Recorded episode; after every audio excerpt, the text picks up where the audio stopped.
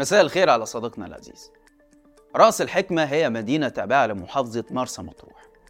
أسسها الملك فاروق سنة 1948 وبنى فيها استراحة خاصة بيه وسماها بالاسم ده تيمنا بحكمة الله. وبعد انتهاء الحقبة الملكية استخدمها الرئيس السادات ومبارك من بعده كاستراحة رئاسية للاستجمام عشان يتم بعدها توصيل كافة المرافق والخدمات للمدينة السياحية. المدينة بتقع على الساحل الشمالي.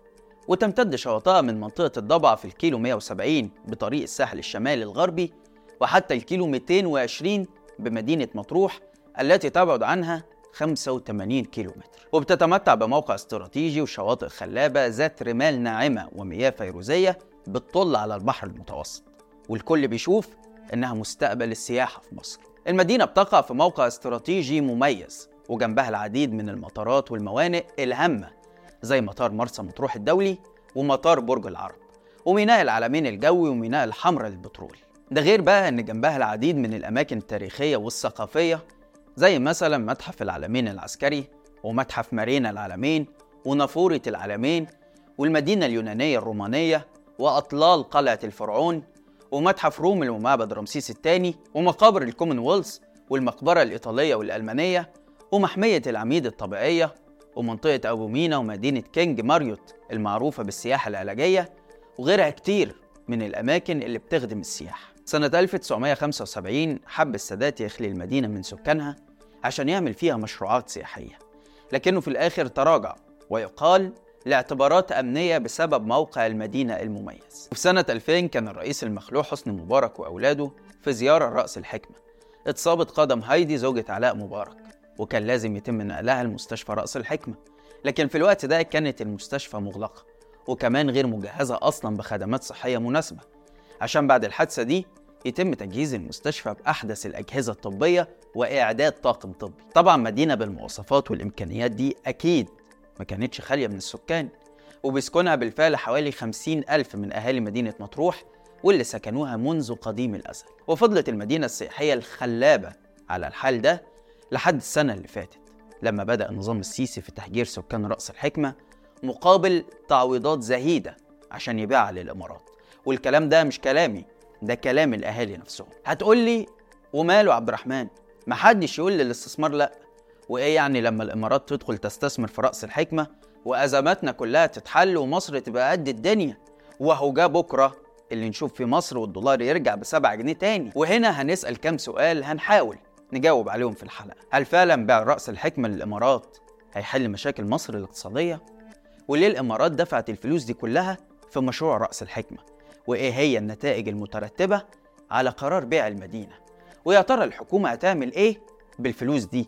وإيه الفرق بين تيران وصنافير ورأس الحكمة؟ ده اللي هنحاول نعرفه مع بعض في حلقة النهاردة بس قبل ما نبدأ حابب أطلب منكم إنكم تدعموا محتوانا لأننا بنتعرض لحملة هجوم كبيرة أثرت على مشاهدات البرامج ودلوقتي يلا بينا نبدأ. أنا عبد الرحمن عمر وده برنامج الحكاية.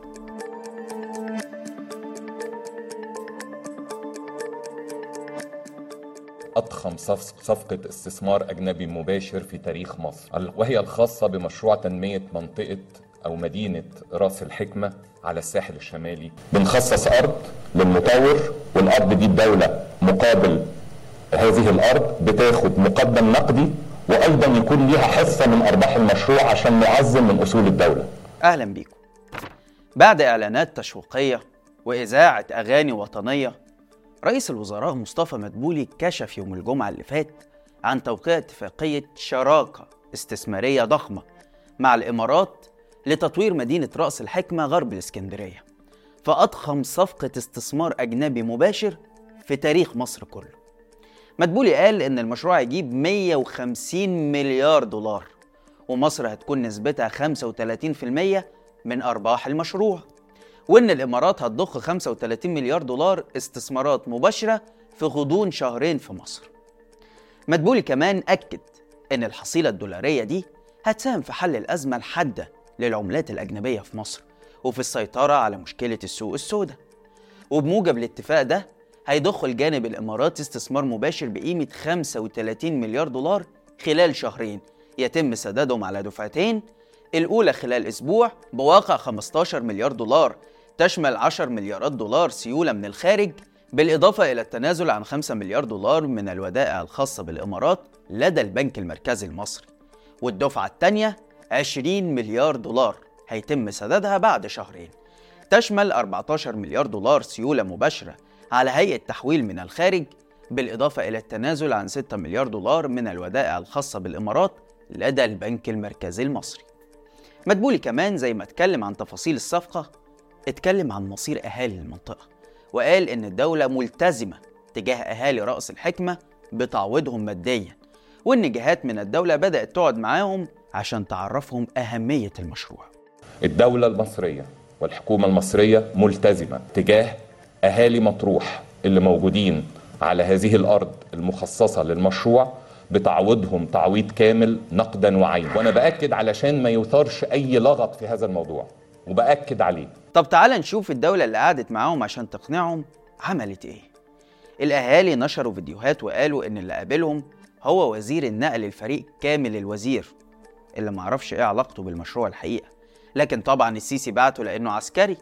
واللي هدد الأهالي وتطاول عليهم بحسب شهادته الأهالي قالوا إن هو ما كانش تفاوض ولا حاجة لكنه كان تعويض بالإكراه وإنه تم إجبارهم على البيع مقابل مبالغ قليلة. طب يا راجل راعي الناس. ده أنت لاهف مليارات من ورا السبوبة دي. والله أعلم اللي هيدخل خزينة الدولة كام. سمعت بالامس أن كان الوزير قد جاء إلى هنا وقد تطاول. على الناس لا يجوز لأحد أن يصيح في وجه الشعب. لا يجوز لأحد أن يهدد الناس لا يجوز لأحد من المسؤولين أن لا ينصت للشعب انصاتا حقيقيا ومحترما. نحن جزء من الشعب المصري لنا شهداءنا عبر التاريخ وقبور آبائنا هنا. والحقيقة يا صديقي لازم نعمل وقفة عند مسلسل التهجير اللي مستمر فيه السيسي عشان خاطر إرضاء المستثمرين الإماراتيين. من أول بقى مثلث مسبيرو لجزيرة الوراق لأهالي منطقة ميناء العريش لضاحية الجميل في بورسعيد. ده غير بقى أهالي مدينة رفح اللي على الشريط الحدودي مع قطاع غزة واللي السيسي هجرهم بحجة هدم الأنفاق ومن ساعتها ما رجعوش رغم وعود النظام ليهم. وطبعا السيسي أسهل حاجة عنده هو موضوع التهجير ده وما يهموش بقى أنت مؤيد معارض قاعد قانوني مش قانوني طالما الإمارات طلبت يبقى السيسي يغمر الجيش وينزل ينفذ. تهجير المصريين من بيوتهم ورميهم في الشوارع أو حتى نقلهم لمنازل في مناطق نائية أو ما فيهاش خدمات كفاية تعتبر من أصعب السياسات اللي بيعتمدها نظام السيسي في تعامله مع المصريين من سنة 2014 ولحد النهارده. طيب خلينا نعرف مع بعض كده تفاصيل صفقة رأس الحكمة. وهل هي استثمار لوجه الله ولا ليها أهداف تانية؟ مبدئيا كده صديقي العزيز هدف الإمارات الأول من الصفقة دي هو إنقاذ السيسي من السقوط. والحفاظ عليه في الحكم. وطبعا مش عايزين ننسى إن الإمارات من البداية هي اللي دعمته في انقلابه سنة 2013 على الرئيس مرسي الله يرحمه. وطبعا وجود السيسي في الحكم هو ضامن لتنفيذ سياسات الإمارات في المنطقة من محاربة التيارات الإسلامية والمقاومة في فلسطين ودعم الاحتلال الإسرائيلي وطبعا إجهاض أي محاولة لإحياء ثورات الربيع العربي اللي الإمارات تعتبر أكبر عدو ليها في المنطقة كلها. ولو أنت فاكر إن المشروع الجديد لتطوير منتجع في منطقة رأس الحكمة فقط فأحب أقول لك لأ. ده اسم المشروع واسم الشركة القابضة الإماراتية الجديدة فقط.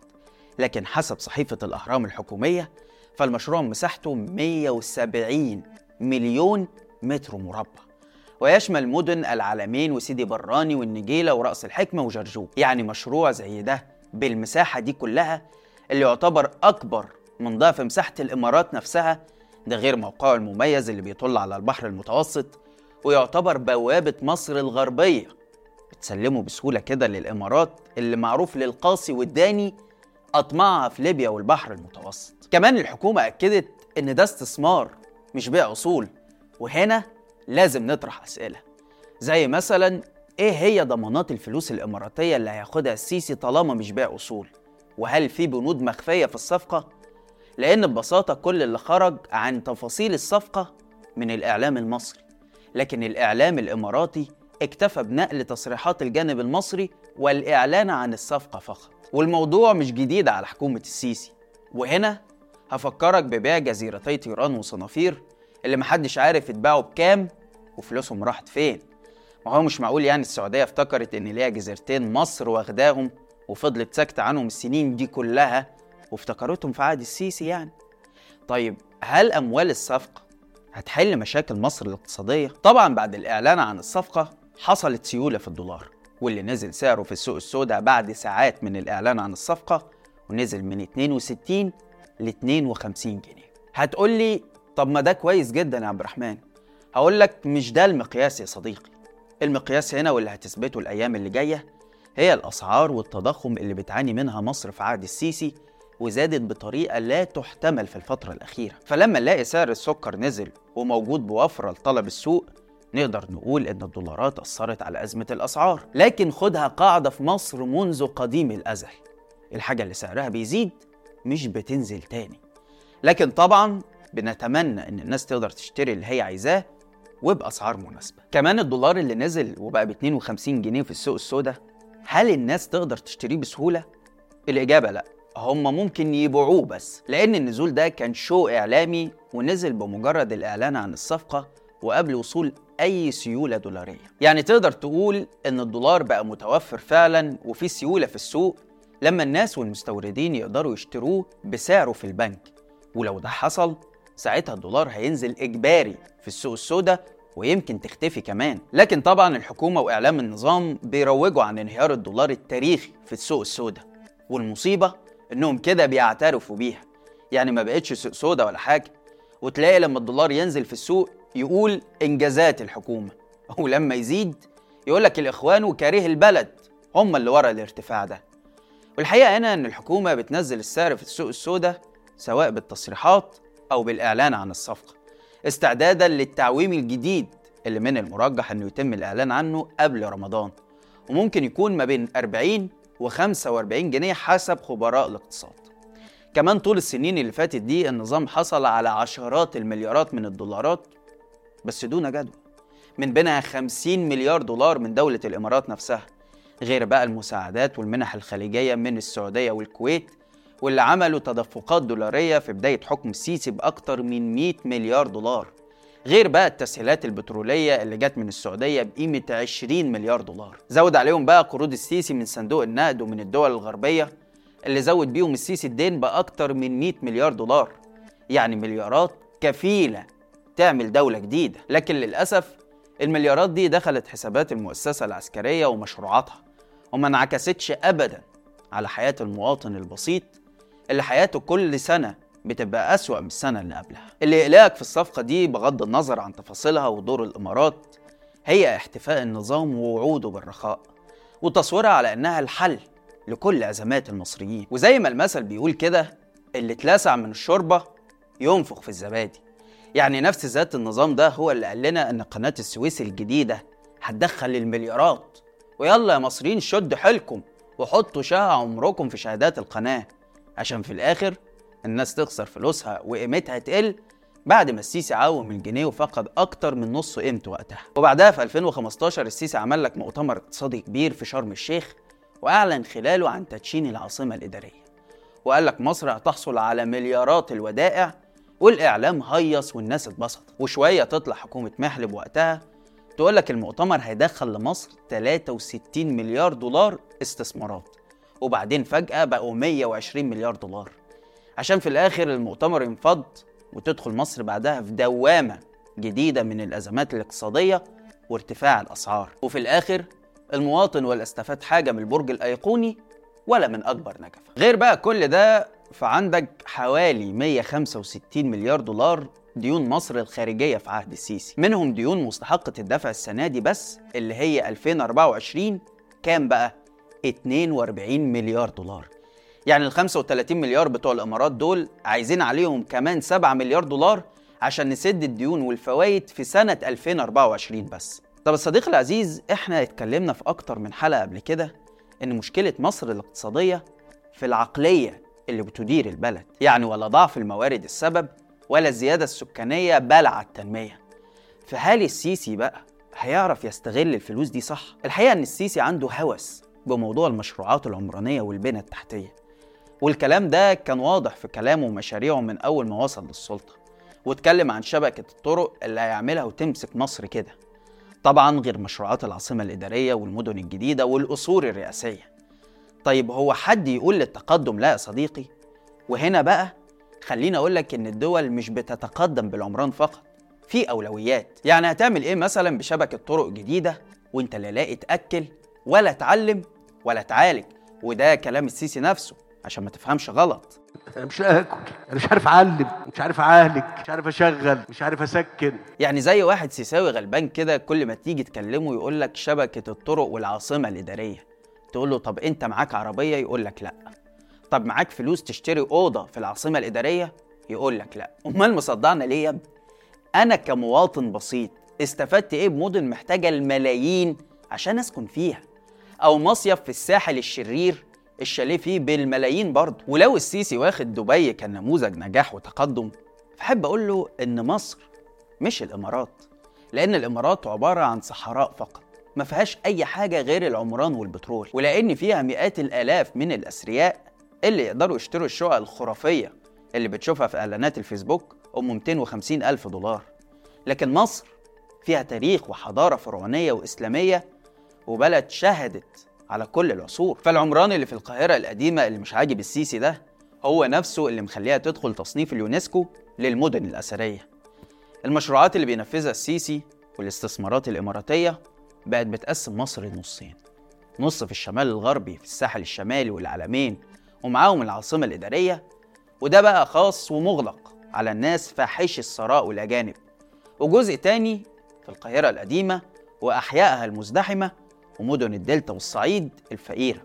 وده اللي قاله الإعلامي حافظ المرازي واللي قال في تغريدة ليه إن ده بيزيد المخاوف من إن السيسي بيقسمها التقسيمة دي عشان لو انتفض الجياع في القاهرة والدلتا والصعيد وكان من الصعب السيطرة الأمنية على عشرات الملايين من جياعها فما يتأثرش الأمن العالمي بعدم استقرارها أو بحور دمها. ومصر الغنية الجشعة الشريرة في الشمال قليلة السكان يمكن السيطرة عليها أمنيا وعسكريا ولو بميليشيات منقلبة.